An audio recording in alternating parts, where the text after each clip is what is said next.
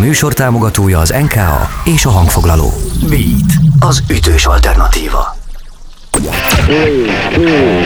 Következik a Beat korszak. Rock történet hangosan.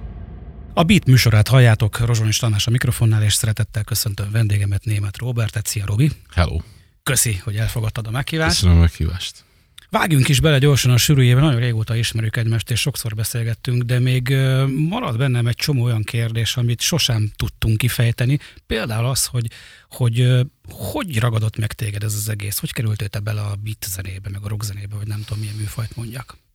Hát először ilyen családi irányból, vagy családi indítatás, vagy neveltetés, vagy nem tudom mi jó szó nagyon sok zene szólt otthon, főleg, főleg apukám, de, de apám és anyám, mind a ketten nagyon sok zenét hallgattak. Például, például találtam, hát nagyon sok mindent, a, a, a Beatles-től a, a Pink Floydon át a, a Rolling Stones-ig, anyám kislemezei között találtam egy T-Rex-et egyszer. Mármint nem egy T-Rex állatot, hanem egy... Mark Bolan.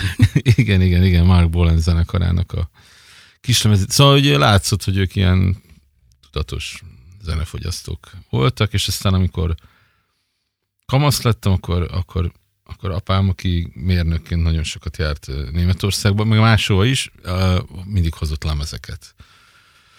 És ilyen nagyon jó érzékkel mindig kiválasztotta a jó dolgokat. Tehát mit a 80-es években Depeche Mode, Tears for Fears, mm, Frankie Goes to Hollywood, és még sok minden mást és, és aztán egy idő után én is így rá találtam a jó zenékre, nyilván az kellett egy ilyen irányba rakás, hogy, hogy azért úgy nagyjából, tehát valamilyen fajta ilyen alap attitűdöt ez adott nekem, hogy a szüleim jó zenéket szerettek, és akkor ilyen, hát ilyen, azt hogy ilyen 86-87 körül, mondjuk én 14-15 éves koromban kezdtem el így ilyen nagyipari mennyiségű zenét hallgatni, már amennyire akkoriban lehetett nagyipari mennyiségű zenét hallgatni, ami nyilván összesen hasonlítható azzal a mennyiségű zenével, ami ma pörög a zeneiparban. De akkor már jött a Cure, Smith, U2, Jesus and Mary Chain, visszamenőleg az akkor már egyébként ilyen középkorú vagy középkorosztálynak számító zenék, Lou Reed, Leonard Cohen, szóval, szóval minden, amit, minden, amire, és ezek egyébként az van, hogy, hogy én azt gondolom, hogy nagyjából az ember ilyen 14-15 és 21-25 éves kora alatt szerzi meg azt a törzsanyagot, amit aztán, ami aztán elkíséri egész életébe. Nyilván utána is lehet új kedvencekre szert tenni, de hogy szerintem az alapok ott, ott, rak, vagy ott, ott rakja az ember magának az alapját. Nagyjából én is úgy vagyok, hogy a leg, azok a, azokat a zenéket kezelem a legfontosabbnak, amiket ebben a, mondjuk a 80-as évek közepétől a 90-es évek közepéig, második feléig szerettem meg azok a mai napig a kedvenceim.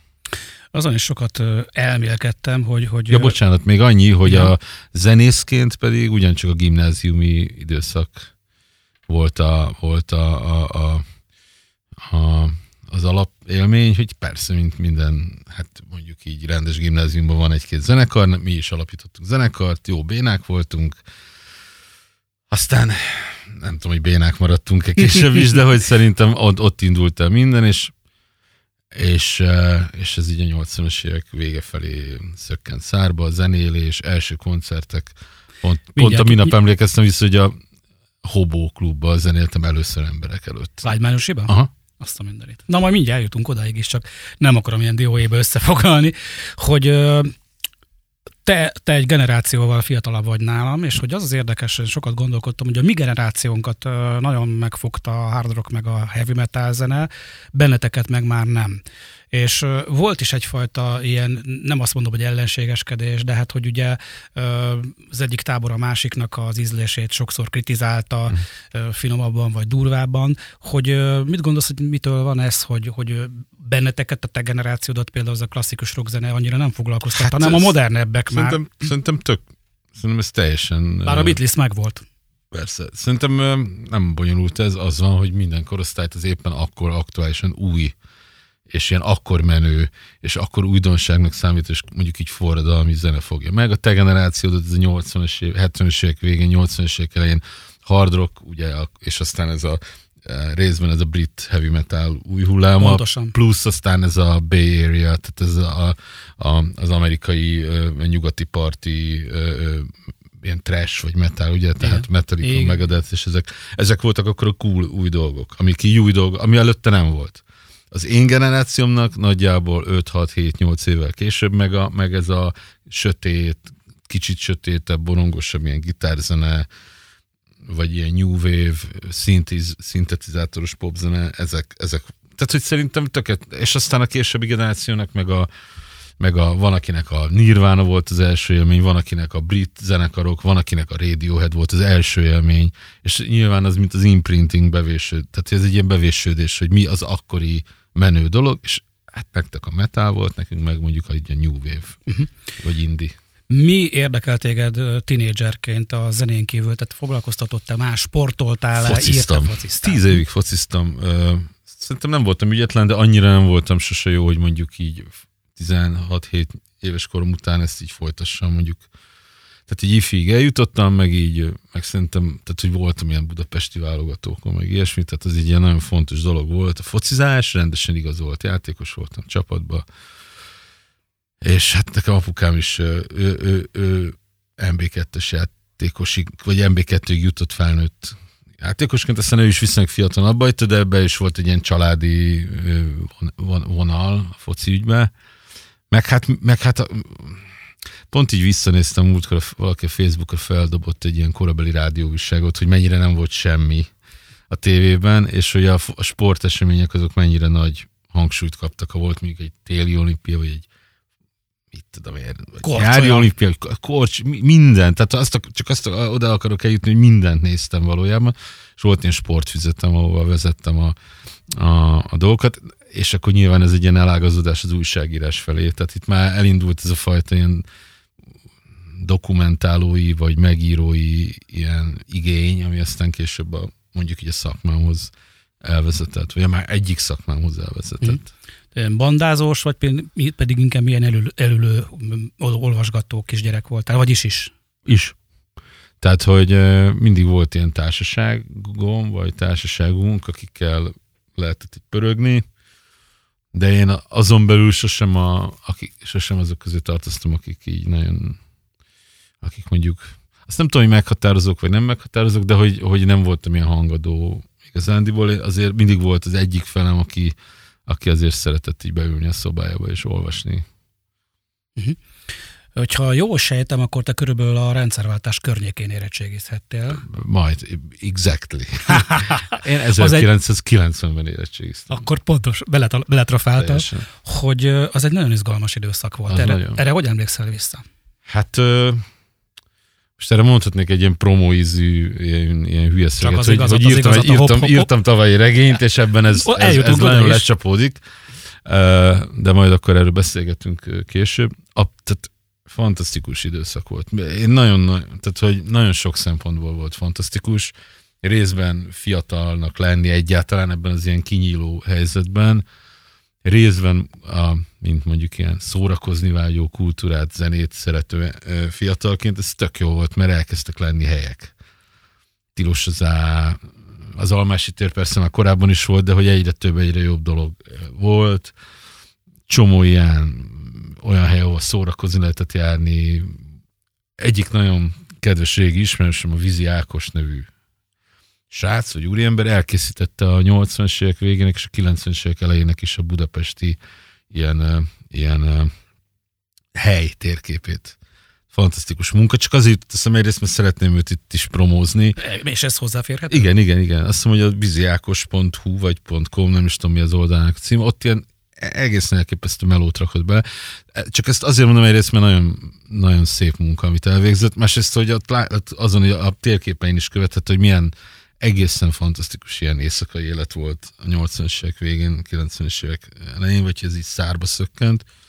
Tehát ilyen értem zseniális volt, meg elkezdtek így zenekarok jönni, mármint nem csak azra a pár mutatvány koncertre gondolok, ami korábban is volt, hogy volt egy Dire Straits vagy Deep Purple, hanem jött klub szinten elkezdtek jönni zenekarok, és hát a politikai rész is zseniális volt. Én például én, én ebbe egy eléggé belecsúsztam, vagy belefolytam, mert 88 őszén, before it was cool, én beléptem például a Fideszbe. Csináltunk gimnáziumi Fidesz csoportot, aminek elég hát nem örültek el az akkori iskolai vezetők, szóval voltak ebből ilyen konfliktusok.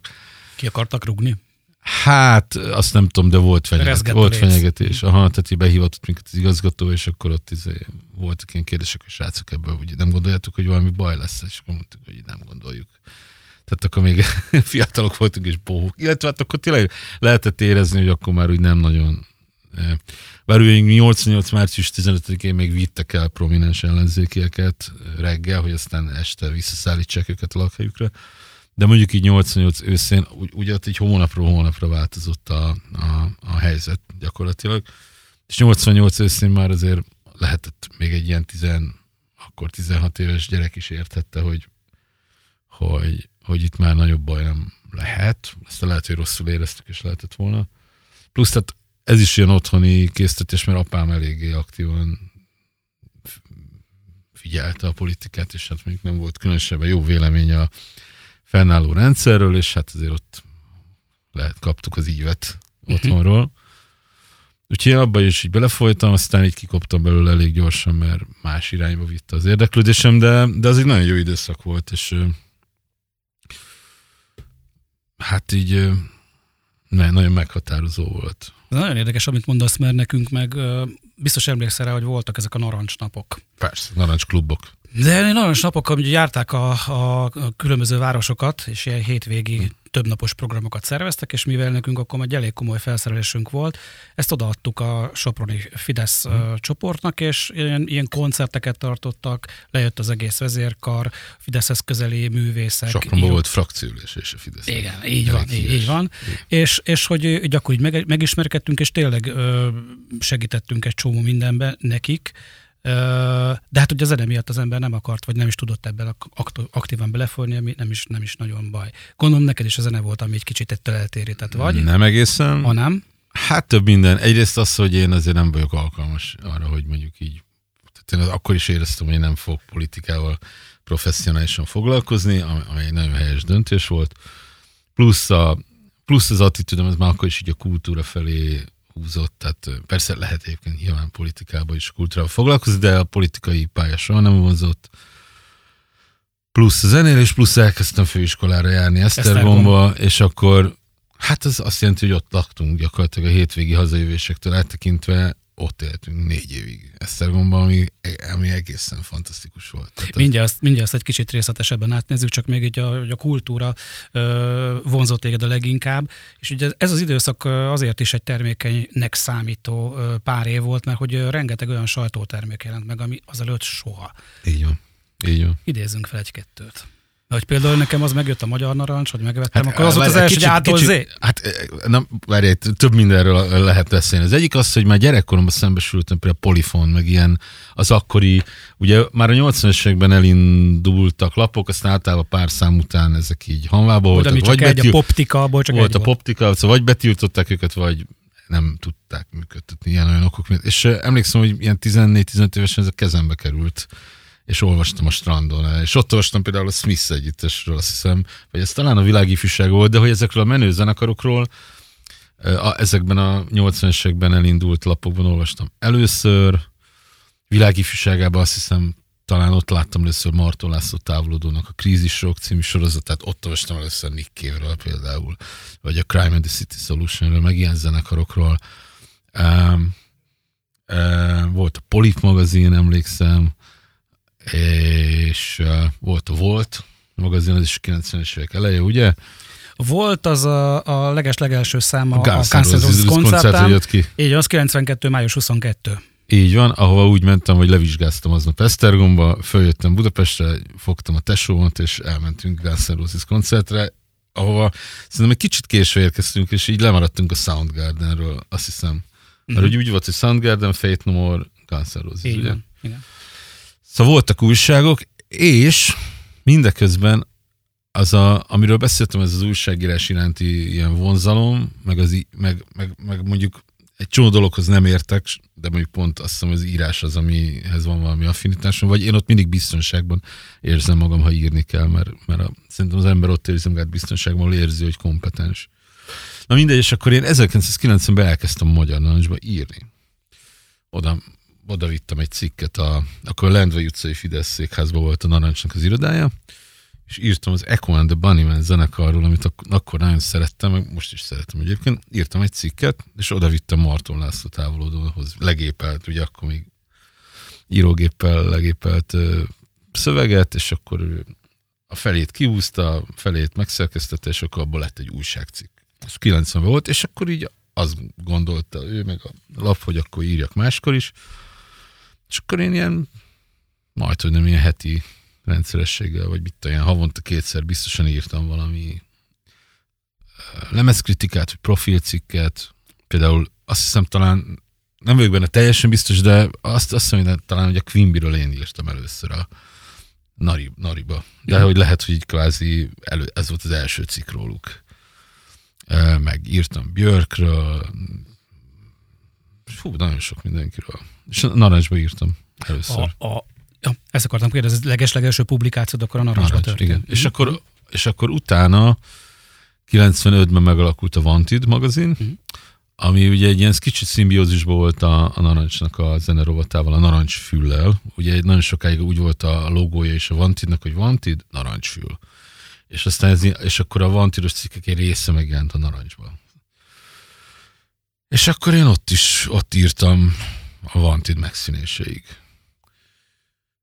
zenéről, közben, közben Esztergomba jártam a főiskolára. Na, itt akkor eljünk meg egy szóra. Miért pont Esztergomba mentél, és te tanítóképző vagy tanárképző főiskolát végeztél? Tanítóképző. Tanítóképző főiskolát. Miért pont ezre esett a választás? Végtelenül egyszerű, hogy nem akartam bevonulni. Ah, én, az, én nem úsztam meg. Aha, én megúsztam szerencsére.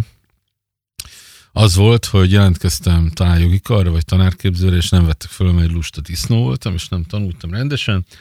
De hogy valahová azért menni kell, mert különben akkor be kell vonulni, hát, és hát a fene se akar bevonulni nyilvánvalóan. És lehetett pótát jelentkezni Esztergomba, ahol tanító szociálpedagógia szakra jártam, el is, egyébként el is végeztem, tehát nekem egyetlen papírral, egyetlen szakmáról papírom, amit nem művelek, egyiket se, se tanító nem voltam soha.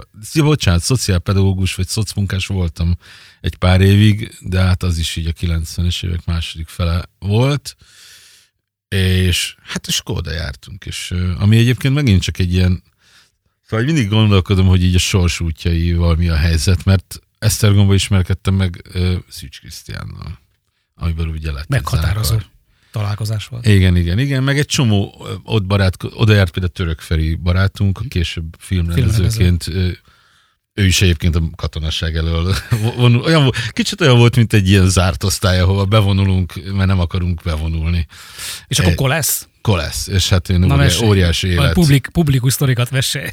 Hát figyelj, Esztergom egy nagyon fura város, de ilyen jól fura. Ugye egy ilyen kicsit deklasszálódott volt megyeszékhely, meg ugye egyházi központ, amit, a, amit így a szocializmusban hát eléggé félretoltak. Ugye Tatabány volt a Komárom Esztergó, vagy akkor igen, Komárom Esztergó megyének a megyeszékhelye. megyeszékhelye. És azért Esztergom egy ilyen fura, kicsit ódon, picit sértett, de nagyon büszke hely, tele volt ilyen fura emberekkel, művészekkel, meg ilyen félvilági alakokkal, most már egy picit elvesztette ezt az izgalmasságát, de, de akkor, egy, akkor valami zseniális volt. És ott főiskolásnak lenni, és egy olyan főiskán, ahol mondjuk nem kell megszakadni a mhm. tanulástól. Ez laza volt. Laza volt, nagyon sokat bulisztunk, különböző legális és illegális uh, szubstanciákkal kísérleteztünk, de közben az egész nem egy ilyen lumpolás volt, mert ilyen iszonyú kreatív volt közben a hangulat. Tehát zenéltünk, volt, hogy filmet csináltunk, tehát ilyen volt VHS. Ja igen, mert az Esztergomi főiskának volt egy elég egyedülálló filmes képzése. Az akkori legjobb filmes szakemberek tanítottak ott, és az akkori, akik tanító, művelődő szervező szakpára jártak, például a Krisztián, azok, azok kaptak ilyenfajta filmes képzést is. Lehetett filmterjesztő képzést. Részesülni, meg voltak külsősök is, akik nem tanító szakra jártak, csak erre a filmes szakra jártak oda, például Pál Figyuri későbbi ugyancsak kiváló rendező, és még sokan mások, és emiatt volt egy ilyen baromi jó pesgés az egész suliban is, meg a, meg a, meg a városban is, és rengeteget hülyéskedtünk meg, de hogy az egésznek volt egy ilyen kreatív éle, hogy nem csak úgy bele a világba, hanem, hanem, hanem mindig volt, hogy jó, csináljunk valamit. És csináltunk is mindig valamit. Szakpárokat emlegettek, kötelező volt a tanító szak mellé valami más igen, is Igen, igen, tehát igen, ez egy, igen, tehát volt. Neked hogy jött a szociálpedagógia? Hát egyébként azt hiszem, hogy ott volt hely. De hogyha nagyon nyilván nagyon erőszakoskodtam volna, akkor lehettem volna művelődés szervező is. De egyébként így ez így érdekelt is ráadásul. Csak azért kérdezem, mert még szociálpolitika szakon végeztem a Pécsi Egyetemen, meg szociológia, és szociálpedagógia szakos hallgatókat tanítottam a Soproni Főiskolán. Wow. Úgyhogy Szegről végről kollégák vagyunk. És, hát és engem érdekelt egyébként ez, tehát azért akkori ilyen átalakuló társadalomban ez egy érdekes kérdés volt, hogy, hogy mit kezdjünk mondjuk a szegénységgel, leszakadó rétegekkel, gyerekszegénység. Migráció. Igen, romák, nem tudom én. Szóval, hogy ez egy, akkor ez egy izgalmas... A háború. Igen, tehát akkor ez egy érdekes kérdés volt, és uh, ugye például az egyik ilyen eltagadott kérdés a Kádár rendszerben, ugye az a szegénység volt. Tehát, hogy szociális, az nincs. Szociális, nincs. Szegénység, szegénység nincs. Szóval, hogy akkori ilyen fiatal... nincs. Igen, és egy akkori fiatal ember számára ez egy izgalmas kérdés volt, hogy egy olyan témával foglalkozni, ami gyakorlatilag egy ilyen elhazudott téma, az, az ilyen menőnek is tűnt akár. Uh-huh. De aztán végül is igazán nem sok időt töltöttem le ebbe a szakmába. Krisztiánnal volt találkozásról mesélj meg, hogy hogy fogant meg a zenekar alapítás Hát figyelj, ez is egy ilyen nagyon különös izé volt. Álltunk sorba a tanulmányi osztály előtt, és rendesen kígyózott a sor, és akkor valahogy egymás mellé keveredtünk, és akkor elkezdtünk beszélgetni. És akkor ez, és akkor így, mit tudom én, valahogy láttuk, hogy ilyen hasonló érdeklődés, meg ilyen habitusú, vagy hát nem, nem tudom, hogy mennyire hasonló habitusúak, de hogy ilyen hasonló érdeklődésű, vagy irányultságú arcok vagyunk, és aztán ez így össze, össze eh, kovácsolódott a társaság. Ja, ha már Kovács, hát oda járt másik nagyszerű barátom Kovács Ákos Dádán, akivel később a menedzser. Igen, meg hát ő azóta is a zeneiparban dolgozik. Mm. Már akkor is még dumált arról, hogy mit kéne csinálni, meg hogy kéne csinálni. Aztán később, amikor volt a Heaven Street 7, akkor meguntuk, hogy állandóan mondja, hogy mit kéne csinálni, és mondtuk, hogy akkor jó, akkor legyél a menedzser, ha olyan okos vagy. és aztán úgy is, úgy is marad benne ragadt ebbe a szakmába. Ezt egy kicsit később folytatjuk, de most azt javaslom, hogy hallgassunk meg egy dalt, és uh, dal után visszatérünk.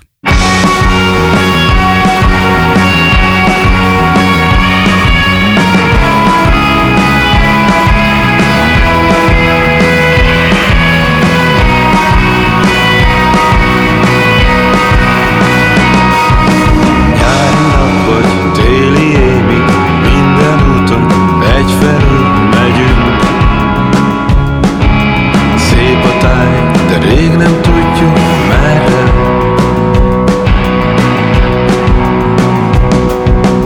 Lent a parton, kint az utcán Bent a házban, látod az emberünk. Úgy néz, mint valamit mondani kéne.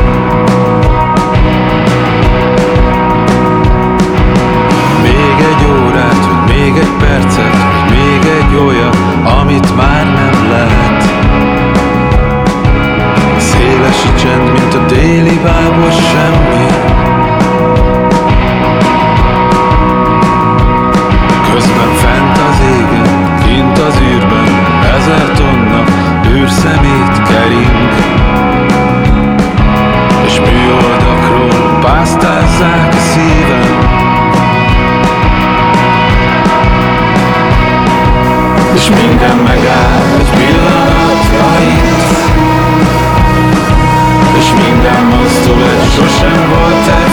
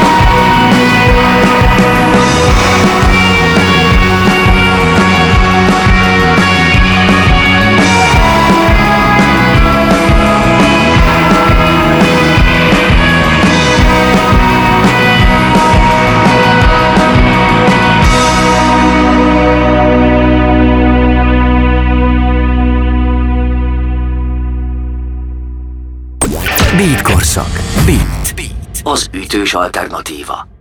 A Beat műsorát halljátok továbbra is, Rozsonyos Tamás a mikrofonnál, és a vendégem német Robert. Folytassuk onnan, hogy megalakult a Heaven Street 7, vagy hát nem is tudom, nem, nem, hogy lett a ti kettőtök a Szűcs Krisztiánnal való találkozásotokból, meg a Zenekar. Dadán zenekar. Hát úgy lehet, hogy így összebarátkoztunk, aztán eltelt jó pár év, amikor nem történt semmi. Mármint, hogy nagyon sok minden történt, de hogy így zenekarilag semmi. A Krisztiánnak volt a Babyface nevű zenekara akkoriban, amelynek más tagjai később a Pablo Honeyban eh, bukkantak fel. Ö, ők ugye egy gimnáziumba jártak ö, Budapesten, és akkor ez egy ilyen gimnázium zenekar volt a Babyface. És aztán, amikor a Krisztián elkerült Esztergomba, akkor ezt még csinálta tovább, de aztán, ahogy olyan 94 körül fordult ez a dolog komolyra, már mint hogy csináljunk valamit együtt, és akkor Krisztián mutogatta a dalait, amiről kiderültek, hogy rohadt jók. Én is írtam egy-két számot, és akkor így elkezdtük így együtt, két gitárral, részben így magunknak, meg voltak ilyen, voltak ilyen iskolai bulik, ahol ott játszogattunk, akkor még ott egyéb barátaink is becsatlakoztak, de hogy így igazán mi ketten gondoltuk ezt így elég komolyan. És aztán ilyen mindenféle ilyen regénybe illő szöve, szöve, szövevényes történetek jöttek. Én ugye ismertem a Queen zenekart, amely egy szép napon Esztergomba jött játszani. Ám, de a akkori dobosuk, a Medve Ákos, a Maci, órákat késett, és ezért kellett valami ilyen kitöltő program, és akkor mi a Krisztiánnal mondtuk, hogy majd mi eljátszunk egy pár számot. És el is játszottunk, és oda jött Kis Endre, a Tibinek a bátyja, aki, mint utána megtudtuk, már felmondási ideje töltött a zenekarba, és mondta, hogy ő így beszállna. Mert hogy ő most akkor ő nem lesz már Quimby tag, és hogy hát mondtuk, hogy jó, gyere. Mármint, hogy ott még nem szállt be a dalokba, de hogy csináljunk közösen zenekart. És ő ismerte Orbán Gyuszi bácsit, a Paksi Houdiniz zenekarnak a dobosát, mert hogy ő ki, a Quimby, meg a Houdiniz, ugye Paks Dunajváros, és egyéb összefonódások is voltak, mert a Tibi énekelt ebben a Houdiniz nevű zenekarban is, meg a Livius is játszott ebbe a zenekarba, és az Endre is játszott ebbe a zenekarba, szóval ez egy ilyen gyakorlatilag szimbiózisban lévő két együttes volt. Szóval elég az hozzá, hogy egy Gyuszit javasolt a dobosnak, és akkor az történt, hogy készítettünk egy ilyen, egy ilyen dobgépes demót, még hárman, az pedig a David Bonstein barátunknál, aki az akkori Andersen nevű zenekarnak volt a énekese, gitárosa, ő sajnos már nem él, és az ő, lakásába vettünk föl egy ilyen, volt, neki volt egy ilyen négysávos kazettás felvevője. És akkor arra fölvettünk, és ezt megmutattuk Gyuszinak, elmentünk egy Houdinis koncertre, megmutattuk, és egy perc zenehallgatás után mondta, hogy beszáll ő is, mert tetszett neki, tényleg azok ilyen tök jó, Krisztiánnak két vagy három dalát vettük föl. Engem megkerestek, én is beszálltam, mert pont ráértem. és aztán, és akkor így négyen elkezdtünk próbálni. És, és az a vicces, hogy ez 95 eleje, és gyakorlatilag három-négy hónap alatt összeraktunk egy lemezanyagot, és az már 95 nyarán el is készült, ez a TikTok No Fear című lemez, és ez 95 őszén meg is jelent. Tehát valami olyan energiák robbantak ott föl, tehát tényleg az van, hogy, hogy vannak ilyen, vannak ilyen vannak ilyen, hát most nem is tudom, mi erre jó szó, vannak ilyen mágikus pillanatok, amikor négy ember tök más irányból jön, ezek így összetalálkoznak, és ilyen, és akkor ilyen tök egyértelműen mennek tovább együtt, és amit csinálnak, az tök egyértelműen összeáll valami egészé, és ezt tényleg nem lehet így kisakkozni, meg így kibalanszírozni, tehát ez, ez vagy van egy ilyen titokzatos valami, erő, valami ilyen isteni izé, deus ex machina, ami ezt így, amit ezt így mozgatja, vagy nincs. Igen. És így. Így indultunk el. Miért lettél te basszusgitáros? Ö, hát ilyenkor szokták mondani, hogy azért, mert ez jutott nekem. Ne, én basszusgitáros akartam lenni. Én, én, én, azért akartam basszusgitáros lenni, mert én tényleg basszusgitáros akartam lenni. Amikor a, ez még a gimnáziumi évekre vezetett vissza, akkor imádtam a Poliszt, a Cure-t, meg a YouTube-t, és mindegyikben ilyen nagyon markáns, ilyen nagyon ilyen tökös basszusgitárjáték van, és azokat én nagyon Stinget is, Simon Gallupot is, meg az Adam Clayton-t is nagyon bírtam, hogy játszanak, hogy nem ez az ilyen izé, virgáz, hanem ilyen nagyon pregnáns, frankó, ilyen, ilyen lendületes basszusgitár, és témák vannak, meg stílus, és mondtam, én basszusgitáros leszek, és, és így is, így is lett. És a hangszerválasztásod az mennyire volt tudatos? Hát semennyire, először az apukám vett nekem, ami bolgár. Orfeusz? Azt, azt, azt, Orfeusz. azt a hegedűgitár. Igen. Emlékszel? Igen, igen. És aztán utána... Egészen rettenetes volt, utána volt, egy, volt, egy, volt ez a fekete ilyen kis testű Gibson talán, amin van egy ilyen kapcsoló fölül. Aha. Az volt, aztán, aztán lett egy ilyen, aztán lett egy Squire, egy ilyen, egy ilyen, egy ilyen, egy ilyen jazz bass utánzat. Lehet, hogy még csak nem is Squire volt. Az, azért rohadt jó hangszer volt, tényleg valamilyen márkátlan, nem tudom, de valami iszonyú jó. Azzal vettem föl például az első Hemesrice ezt. Ezt nem is tudom, utána miért adtam el. Valószínűleg vettem egy Ja, igen, mert utána vettem egy másik, ez a klasszikus, vesz a zenész egy hangszert, meg még egyet, akkor az egyiket eladja. Vagy a csencselés. Utána, elind, utána elindult a végtelen hangszercserélgetés. Mondjuk nekem annyira sok hangszerem nem volt, de hogy de hogy nagyjából így alakult ez a hangszerválasztás. Uh-huh. A névválasztás az hogy történt? Mert ez baromi jó név. Hát figyelj, egyszer, az úgy volt, hogy utaztunk a 4-es 6 Krisztián mondta, hogy legyünk Heaven Street 7. Mondtam, hogy jó. Utólag kiderült, hogy volt egy Zsil utca hétben valami buli, és ott akkor gondolom egy kicsit... Ja, közgázko lesznál? Igen, és akkor gondolom ott, ott, ott, ott az emelkedett hangulatban kitalálták, hogy ez a Heaven Street 7. És akkor ez ugye Krisztiánnak így megragadt a fejébe. De mondom, maga a, a konkrét, a név kimondásnak az aktusa az a 4-es 6-os villamosan történt, és hát viszonylag rövid diskurzust követően úgy döntöttünk, hogy ez lesz. Az, hogy ti nagyon hamar nagyon ismertek lett, tettek, köszönhető-e annak, hogy a ti generációtoknak már az a rockzenei háttér intézményrendszer megvolt, ami mondjuk például még nekünk nem. Hiszen Szerintem a, nekünk sem volt. De hát meg. akkor működtek lemezkiadók, több multikiadó itt volt az országban, működtek kereskedelmi rádiók, kereskedelmi tévék, bulvárlapok. Hát Náluk figyelj, ilyen nem volt? Uh, a, nem segített senki? Uh, Hát egy ez, ez, ez, a Warnernél ez, ez, voltatok, ez, ha jól emlékszem. Ne, ennél bonyolultabb a helyzet. Ugye minden generáció a következőnek a helyzetet egy kicsit jobbnak látja. Igen. Én is azt gondolom, hogy ahhoz képest, ahogy mi indultunk, ahhoz képest a zeneipar 10 meg 20 évvel később, hát összehasonlíthatatlan. Tehát ahogy ma a zenekarok elindulnak, és hogy mi elindultunk, azt nem lehet összehasonlítani. Sem a háttér tekintetében, sem a tudatosságot tekintve. Tehát mit, most mondok egy példát, Carson Coma zenekar, az úgy indult el, mint a a görög mitológiában, hogy, hogy, hogy Pallas Athéni teljes fegyverzetben kipattan Zeus, apja Zeus fejéből, hát a Carson Comannál is azt láttam, hogy jön egy fiatal zenekar, megvan a fazon, megvan az image, megvannak a fotók, a klippek már vérprofin hozzák ezeket a dolgokat, a zene tök jó, tök ügyesen zenélnek, most ehhez képest mi kiálltunk kinyúlt nyakú pólóinkba, a Riss Ross hangszereinkkel, amit tudom, a tilosozába, angol nyelvű szövegekkel, amik alapvetően nyilvánvalóan, miközben mi azt hittük, hogy itt a rendszerváltás bűvöletében majd lehet sikert elérni, vagy, vagy érvényesen föllépni a színpadra angol szövegekkel, ez elég gyorsan kiderült, hogy ez, ez nagyon korlátozott ö, ö, hatása van, vagy hogy nagyon korlátozott mennyiségű embert lehet vele elérni. Igen, akkor már voltak nagy kiadók, mi el is jutottunk a, a második lemezünkkel a Warnernek az akkor alakult Bungie Records nevű lébeléhez, de például az első koncertánkat azt magánkiadásból adtuk, vagy magánkiadásban adtuk ki, ilyen kölcsön kapott pénzekből, tényleg ilyen minimál projektként. Hát a kereskedelmi rádiók meg hát majd kisipoljátok, hát az egy öltésen baszott. Az, azon, hogy mi, tehát azok soha az, tehát hogy azt hiszem talán a 2000-es Cukor című lemezünkről, a, hát talán így a zenekarnak a legkommerciálisabb, vagy legismertebb sláger, a Crazy Srác, azt, azt viszont szénnél játszották, meg utána azért játszogatták egy-két dalunkat, de addig semmit. Hm.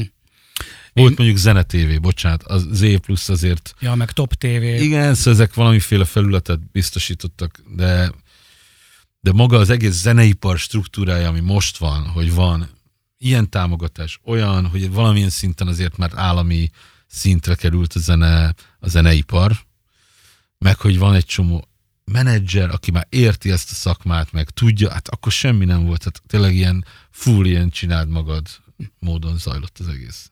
Én benneteket először Sopronban láttam, még a Volt Fesztiválon, a valami... Még a sportcsarnokban. A sport, persze. Olyan, sport. azt annyira imádtam. Hát én is. Az volt az ilyen, emlékszem, hogy azért szerettük a Voltnak ezt a sportcsarnokos kiszerelését, mert az, az volt a tavasznyitó. Uh-huh. Tehát amikor vége lett a télnek, és meg kicsit jobb idő volt áprilisban, akkor az volt az első ilyen nagy buli, és akkor tényleg ilyen, az, az tényleg egy ilyen nagy közös ilyen hepaj volt.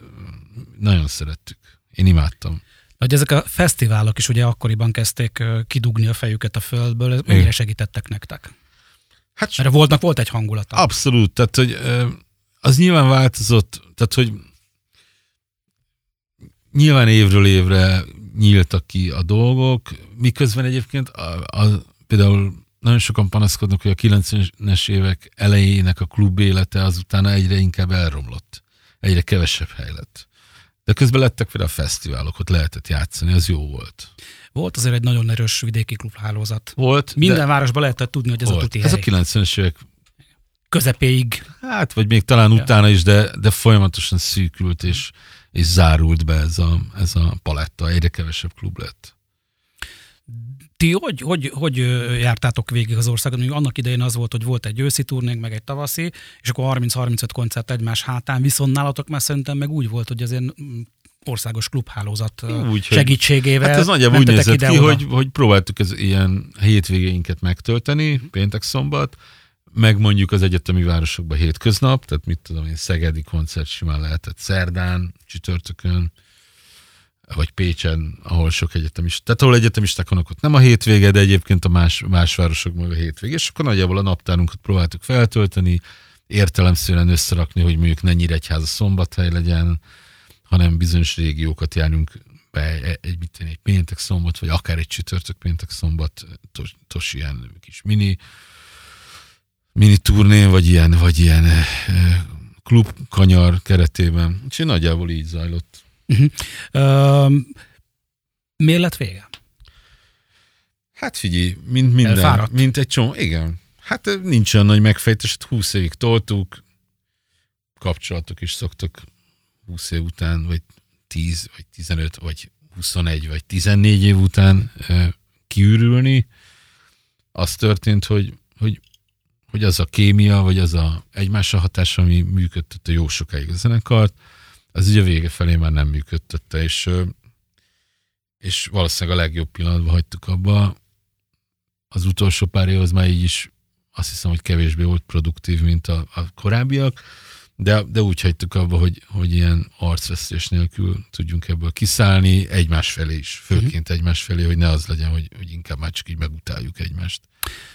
Nekem így kívülről úgy tűnt, hogy a miutánunk következő generáció, tehát ti, akik mondjuk alterok, meg most nem is akarok stílus nevekbe belegabajodni, de hogy ti így ismertétek és, és nagyon bírtátok és meg szerettétek egymást, akik különböző zenekarokba játszottak, különböző zenészek, hogy nagy haverok voltatok, meg segítettetek egymás lemezé, meg alakultak is olyan formációk, hogy te innen, én onnan. Uh-huh. Nálunk ez így akkor elképzelhetetlen Tényleg? volt, és uh, nem nagyon volt átjárás. Nem. Nem tudom, hát ez, ez úgy nézett ki, hogy nyilván ment azért, ment azért a frocizás, hogy mit tudom én, de hát ez tök normális, ilyen, volt azért ilyen fiú öltöző hangulat, de alapvetően igen, volt egy ilyen nagy, volt egy ilyen generációs. Tehát volt egy eresztés, ugye a, nem tudom, emlékszel, a 90 volt ez a Katalóg című CD, Hogyne, meg is ami van. egy ilyen, ami egy ilyen, hát ennek a generációnak egy ilyen így jöttünk típusú megjelenése, az itt tök jó dolog volt, meg volt a narancs, magyar narancs mellékleteként is megjelent egy ilyen típusú válogatás. Igen. Tehát ott volt egy, egy generációs eresztés, Fresh Fabric, Warpix, Pablo Honey, Heaven Street 7, Up, Aha. és még sokan mások.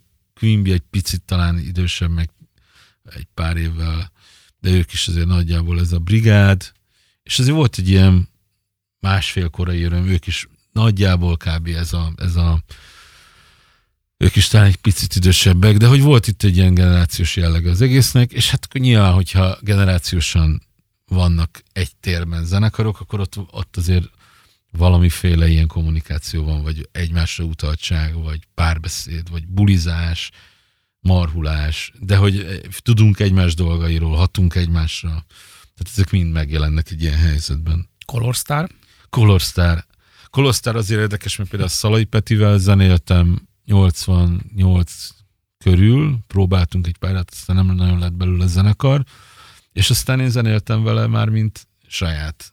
Tehát ilyen szóló elő- előadó szót nem használom, ez kicsit fellengzős, de amikor a saját dalaimat írtam, akkor ő zenélt velem egy darabig. Meg majd remélem, majd még egyszer fog is. Igen, hogy térjünk rá arra, hogy ugye saját dolgait hogy kezdtek el kialakulni, és mi, dönt, mi, dönt, mi döntötte azt el, hogy te egyedül akarod megcsinálni a dolgaidat, vagy pedig az mondjuk zenekari közeget képzelsz el? Hát biztos így kijött belőlem ez a magamnak valóság, hogy így ezt magam akarom csinálni. Hát maga az, hogy egyetlen zenéjek, ugye 15-ben ért véget a Heaven Street 7, és hát így nem volt nekem különösebben akkor ilyen tervem arra, hogy majd én zenélek. Egyedül, mert hogy sose voltam. Se énekes, se da szerző, bár ugye Heaven Street 7 néha egy-két versszakokkal hozzájárultam a szövegekhez, meg még a Heaven Street 7 előtt én így írogattam magamnak dalokat, de hát az jobb, hogy senki nem hallotta. Magyarul? Aha. Mhm. Igen, tehát hogy ez így, meg szerettem a magyar ilyen alter, vagy indi, vagy új hullámos zenét, nagyon mai napig hatalmas Vig Mihály rajongó vagyok, a, tényleg a, nem tudom, meg kéne alakítani az egymillió Vig Mihály Kossuth díjáért csoportot, meg persze az Európa kiadót, a Sex Appeal-t, aztán a Kispált, szóval ez a magyar nyelvű ö, ilyen új hullám, vagy indi, vagy nem tudom, vagy alter, ez mindig nagyon fontos volt nekem. És aztán, amikor nem zenéltem már egy év, akkor nyilván volt egy ilyen hiányérzés, hogy valamit kéne csinálni, de nem, kimond, nem ez így nem volt kimondva, csak egyszerűen így följött ez így, mint a talajvíz, és akkor elkezdtem így írogatni dalokat, és aztán ezt ilyen sufni tuningba összeraktuk Lázár Dodi barátommal, akivel ugye akkor én már zenéltem együtt, a Pegazusok nem léteznek be, Igen.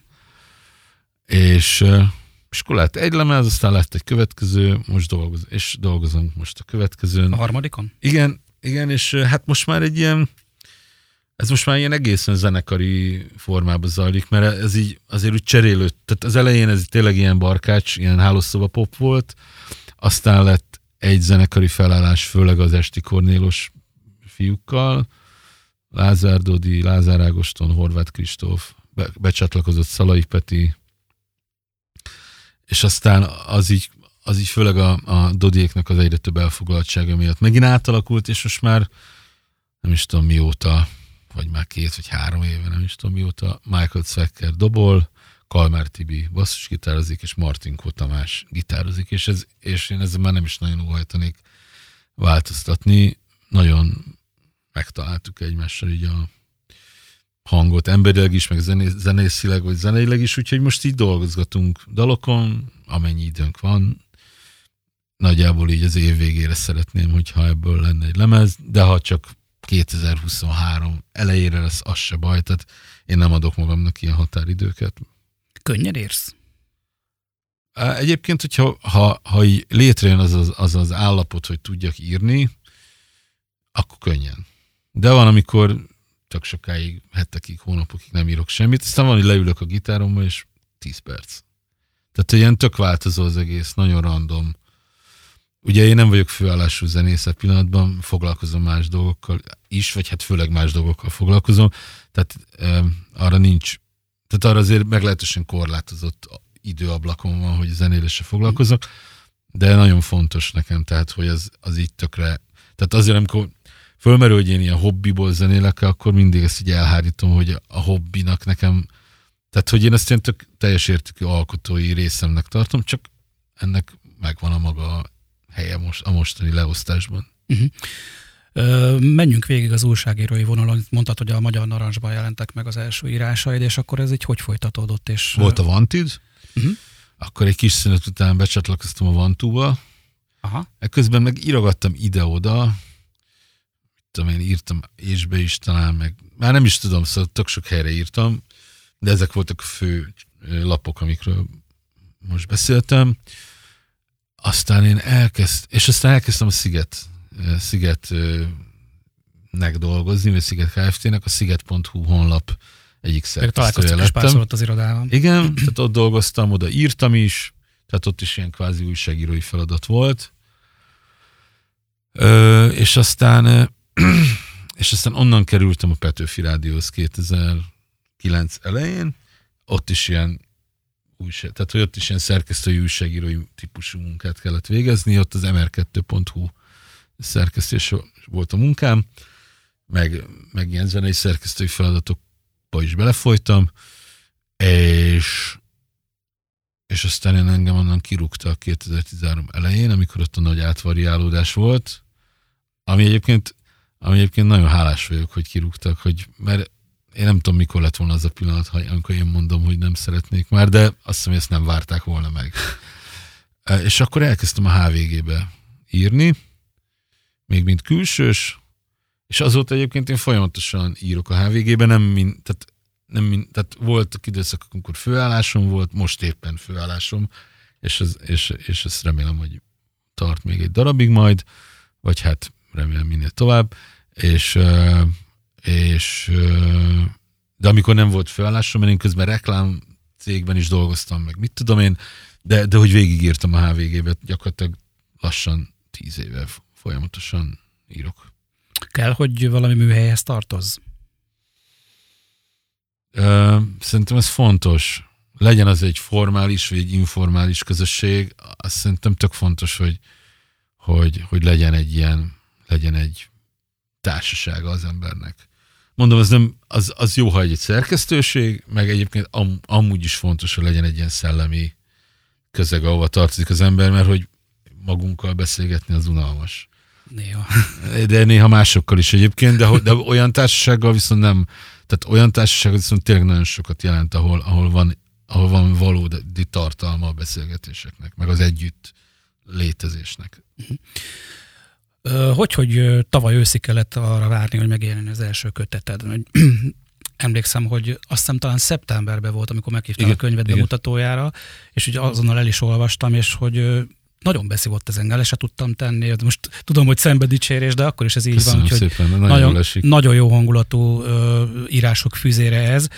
Mm, hogy, hogy pont ezt a formáját választottad a, az első hát, művednek? Ö, és hát a, Péter, több... a Péter te vagy? Ilyet nem illik kérdezni Bocsánat, visszaszívtam. de majd erre is, de, de majd természetesen válaszolok a kérdésre. Szóval egyrészt mindig, mindig bennem volt a, a nem újságírói típusú szöveg megírásának a, az igénye. Természetesen kamaszkoromban írogattam ezt, azt, amit ugyancsak hál' Istennek soha senki nem fog elolvasni. De, de aztán szerintem újságíróként is próbáltam azért tágítani a, Tehát, hogy írtam véleménycikkeket, meg írtam olyan véleménycikkeket, vagy véleménycikket is, ami nem tipikus véleménycikk, hanem már kicsit így a tárcába hajló stílusú. Bocsánat. És szóval hogy valahogy az így a levegőbe volt. Meg mit tudom, én írogattam ilyen hosszabb Facebook posztokat, amik már ilyen tárcaszerű, kifejtős izék, ez valahogy ezt így, valahogy ezt be kellett húzni ezt a dolgot, hogy benne volt a levegőbe. És valaki szólt, hogy figyelj. Robi, ezeket gyűjtsd össze, és nyomton, Egész pontosan nyomtassuk pontosan ez történt. Az történt, hogy elkezdtem 2020 őszén ilyen tárcanovellákat írni a könyves magazinba. Kijött kettő vagy három, egyszer csak csörgött a telefonom, M. Nagy Miklós, a Helikon kiadó vezetője hívott, egyébként Nick Hornby magyar fordítója, és én mint ilyen Meg súlyos, meg, igen, és még csomó orosz, meg izé, és egy mint ilyen súlyos Nick Hornby eh, rajongó, hát én így majdnem eldobtam a telefont, és ő azt javasolt, hogy írjak egy regényt. És akkor elkezdtem írni, elkezd, nagyon komolyan naponta toltam, mint az állat. És, Tényleg? aha. Elkezdtem írni ezt a, a regényt, és küldözgettük a Miklós, vagy én küldözgettem a Miklósnak a, a elkészült ilyen nagyobb részeket, és akkor ő mondott e- ezt, azt. Aztán sajnos itt a Covid helyzet miatt a, a, a kiadó ebből így kihátrált, ebből a, ebből a sztoriból, racionaliz, racionalizálniuk kellett az éves kiadás tervet, amiben ez nem fért bele. És akkor elkezdtem keresni könyvkiadót. És találkoztam Szarka Károly vagy most már hát simán mondom, hogy Szarka Károly barátommal, mert, mert nem csak munka, vagy nem csak ilyen szerkesztői, írói ö, ö, kapcsolat, hanem egy baráti kapcsolat is kialakult köztünk, aki elolvasta a kéziratot, ami akkor már majdnem kész volt teljesen, és mondta, hogy hát ez tök jó, és neki ez kell, és a Noran Libro könyvkiadó adta ki végül is a könyvet, és hát, és, és ennyi. De mi volt az a vezérfonal, amire fölfűzted a, a, az írásaidat?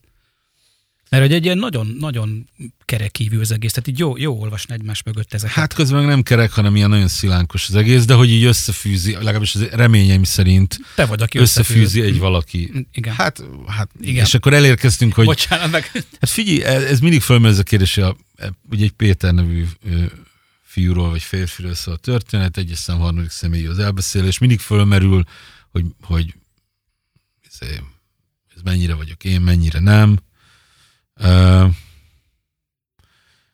Ezt egyébként egy csomó, már én nem tudom, hogy én író vagyok ez, óckodok ettől a kifejezéstől, vagy ahogy én magamat ennek tituláljam, de olyankor íróktól kérdezik különböző műveik esetében, hogy ez, ezek mennyire ők, akkor, akkor ez, mi- ez mindig egy ilyen faramúci helyzet, mert nyilván az író miből építkezik magából. Saját élményekből persze. De nyilván egy mű nem feleltethető meg feltétlenül, az mindig egy párlata a magunknak. Tehát a, egyik, egyik jó barátom mondta, hogy csak az amatőr önazonos ilyen értelemben. Szóval, hogy a, a, a könyve sosem az, tehát benne vagyunk, benne is vagyunk, meg nem is vagyunk benne. Nyilván, hogyha volna kedvem hozzá, zárójel nincs, akkor itt elkezdhetném százalékolni, hogy ebből a könyvből mennyi a valóságos történet, mennyi a majdnem úgy történt, de valóságos mag, mag valamilyen mag, valóságos gyökérrel rendelkező, mi a teljesen kitalált. De mivel ezek, ezekből mind van a könyvben, ezért ezt el kell fogadni egy autonóm térnek ezt a művet, hogy, hogy, hogy, hogy ez, egy te, ez, egy, ez, egy, ez egy másik valóság. Tehát itt nem lehet föltenni ezt a kérdést, hogy én vagyok, vagy nem én vagyok, mert nyilván én is vagyok, meg nyilván nem is én vagyok. Tehát én, én, itt, én, itt, én, én itt létrehoztam egy teret ebben a, ebben a regényben, létrehoztam egy figurát, létrehoztam egy narratívát, és az autonóm módon él, annak nincs közel valójában a valósághoz. Még akkor sem, ha egyébként bizonyos elemének van, de az egésznek összességében meg nincs. És csak az egészről összességében lehet beszélni, azt pedig nem lehet megfeleltetni magamnak. Az előbb, Ez a rövid válasz. aha, aha, az előbb említetted a Nick Hormit, de kik azok, akikre odafigyelsz, akiket szabad, szabadidődben te is szívesen olvasol? Hát nagyon sokat olvasok, elég, elég, elég, elég tudatosan, meg szívesen is olvasok, de hogy így, tehát figyelem is, hogy mi van. Hát figyelj, vannak az ilyen alap dolgok, itt megint csak azt tudom mondani, mint a zene esetében, hogy amiért az ember 10x éves korában, meg 20x éves korában megérinti, azok ilyen alapélmények, és hát uh, Salinger, Hornby, ők ketten nagyon fontosak, és aztán még egy csomó mindent kéne mondanom, de az a baj, hogy ez ilyen nagyon hosszú felsorolás lenne, de a, a Salinger meg a Hornby azok így valahogy, azok így nagyon ö, ö, és aztán vannak ilyen nagyon kés, és aztán van egy sokkal későbbi a, a, a, a Knausgard, aki nagyon, aki meg aztán az ő regény folyama, az én harcomnak az egész attitűdje az nagyon, az nagyon meghatározó volt, hogy végül is ez a mű elkészüljön. Ha nem is has, vagy hát nem tudom, mennyire hasonlít, ezt megint nem nekem kell megítélni, van, aki hivatkozott rá, de az attitűd, ez az úgynevezett autofikció, az nagyon hatott rám. És aztán olvastam az elmúlt x évben rengeteg jót, csak mondom, itt fölöslegesen elkezdeni sorolni, mert reggelig itt ülhetnék. Igazából azért kérdezem mindig, mert hogy annak idején, amikor én hallgattam a kedvenceimmel beszélgetéseket, vagy olvastam velük interjút, akkor úgy mindig felfigyeltem, hogy ők miket hallgatnak, miket olvasnak. És így ja, én ez is, nekem én is is találtam. nagyon fontos. Nagy jó, játék ez, mert lehet, lehet találni olyanokat, akik tényleg a te ízlésedet is formálják. Úgyhogy szeret, szeretem megkérdezni a beszélgetőt. Nyilván, nyilván, nyilván még mit eszembe jut Eszterházi, akit meg nem hmm. lehet megkerülni, amikor az ember magyarul ír. Hmm abban a korosztályban, amelyben én vagyok, az, az totál megkerülhetetlen, az a fajta nyelvhasználat, hm. az a fajta az a fajta attitűd. Most Te voltál 90-ben Prágában, Rolling Stoneson? Voltam. Hát én is. Voltam. Azért mondom, hogy nagyon-nagyon-nagyon sokszor azért szívott be annyira a, a, a, az írásod, mert hogy teljesen maga, érintetnek éreztem magam. Én, én azért is azt akartam hogy azért is írtam meg ezt a könyvet, de hát a könyvet azért írtam meg, mert egyrészt kaptam egy felkérést, hála Istennek, másrészt meg, mert bennem volt, és előbb-utóbb úgy is megtörtént volna, de, de azt is gondolom, hogy azért, nekem azért is fontos volt megírni ezt a könyvet, vagy azt gondolom, hogy azt, az jelentheti ennek a könyvnek a valami fajta különlegességet, hogy én azt gondolom, hogy, hogy az én generációmnak ezeket a történeteit, élethelyzeteit még kevéssé írták meg. Tehát, hogy így a magyar irodalomnak van egy nálam egyel idősebb generációja, vagy kettővel idősebb, Garaci, Német Gábor, akik az ő mondjuk egy 80-as évekbeli generációjuk, vagy akkori fiatal, vagy fiatal felnőtt generációknak a mindenféle élethelyzeteit így úgy lírai, vagy, vagy, vagy nem tudom, tárgyilagosabb módon megírták, de hogy az, hogy az én generációmnak ezeket a na- nagy kulturális, meg ilyen élethelyzetbeli élményeit még így azt gondoltam, hogy annyira nem olvastam róla sokat. Tehát, hogy így azt gondoltam, hogy ez talán érdekes lehet ezekről beszélni. Figyeled egyébként azokat a kortársaidat, akikkel együtt indultál, és mindesetleg a zene, mindesetleg az újságírás, vagy az irodalom kapcsán Igen. voltak közös szakaszait? Igen, Igen? figyelem. Mm-hmm. És hogy értékeled a... hát ez elég tág mező. Hát vannak, bará- vannak az újságírásban barátaim, vagy a, mondjuk így az újságírás, vagy politikai gondolkodás, vagy ilyen, nem tudom, hogy kell ezt mondani. Akkor, Világnézet. Igen, vagy olyan emberek, akik így közélettel, vagy kulturális, kultúrpolitikával, vagy kultúrával foglalkoznak, ilyen vannak köztük barátaim, akiket fontosnak tartok, őket figyelem, alapvetően látok olyan kortársakat, akikkel nem pont ugyanazt gondoljuk a világról, de színvonalasnak vagy minőségnek tartom, amit csinálnak.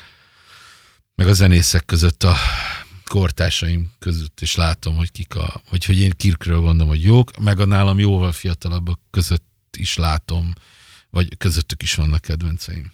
Úgyhogy azért figyelem persze. Uh-huh.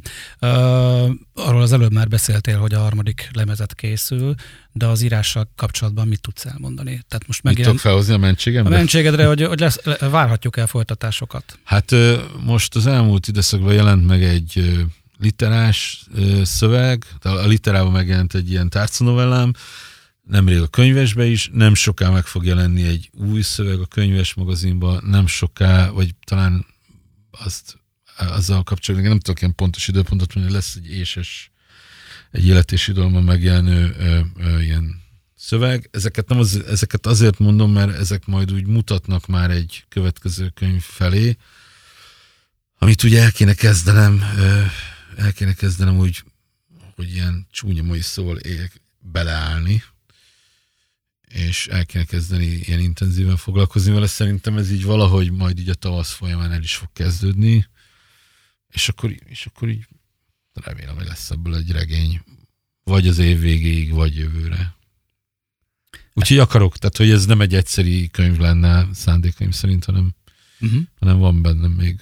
És most is, most is az a módszer, amit az előbb mondtál, hogy leülsz és tudatosan írsz. Na, az, az azért volt számomra annyira érdekes, mert hogy nagyon bírom a Truman Capotit, és róla lehetett tudni, hogy reggel fölkelt, és 8 órát írt, 8 órán keresztül írt, és azt másnap elolvast, és ami tetszett neki, az megmaradt, amit nem, azt összetérte. Ez, ez sokan Van, mondják, aki meg mondjuk egész másfajta módszert használ, éppen akkor, mikor valami eszébe jut, vagy kap valami ihletet, akkor azt leírja.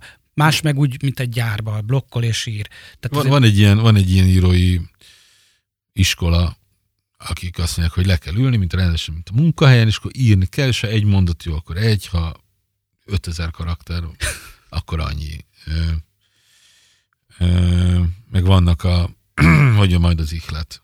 Én egyébként inkább az elsőbe hiszek. Tehát én hiszek az ilyen munkatípusú írásba. Az én esetemben egész egyszerűen majd egy olyan pillanat kell, amikor azt mondom, hogy jó, ez start, most elkezd, és akkor innentől tök tudatosan, szinte minden nap írni, látni, hogy mi a történet, föl végig gondolni, eh, amit meg akarok írni, és aztán megírni.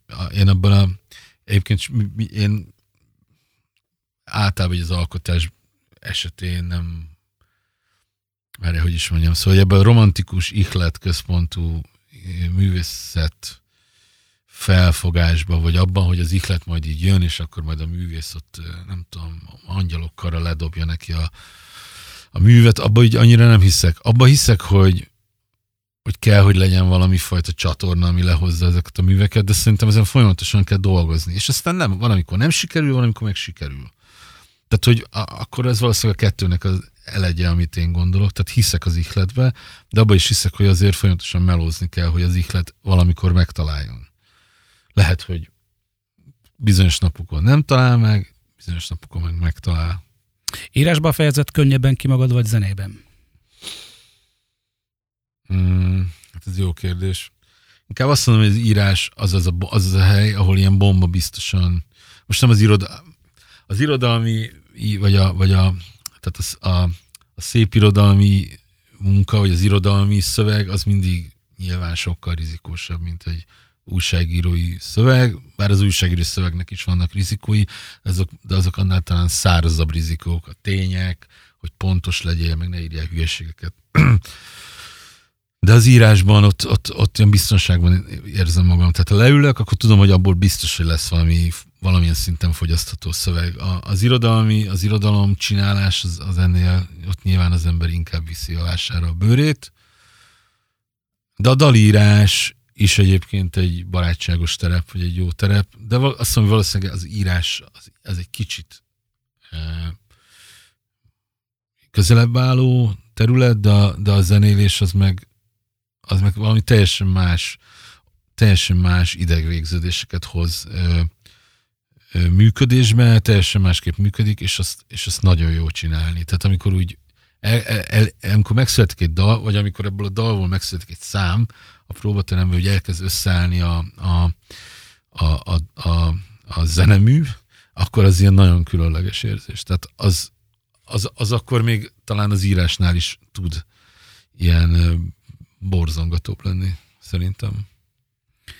Hát nagyon szépen köszönöm, hogy a vendégem volt, elszaladt az idő, és remélem, hogy a legközelebbi alkalommal már az új könyvedről, meg az új lemezedről Egyébként beszélgethetünk. nem tudom, mikor lesz ez a műsor adásban. Vasárnap. Jó, Jó. mert akkor egy kicsit így a végén reklámoznék, hogyha valaki engem, de nem is feltétlenül rólam van szó, hanem a több jó zenekart akar egy helyen látni és hallani, az március 19-én várjuk a Gödör Klubba a Király utcába, ahol a Klinik lemezkiadó, ami egyébként a, a lemezeimet, vagy a zenéimet kiadja, meg a kis dolgaimmal foglalkozik, annak egy ilyen mini fesztiválja lesz, többek között a Jazzékiel tagjaival, Krizsóval, Muzika Moráliával, Hajós Kristóffal, akivel egyébként együtt dolgozom, most már egy ide, és írom a dalait.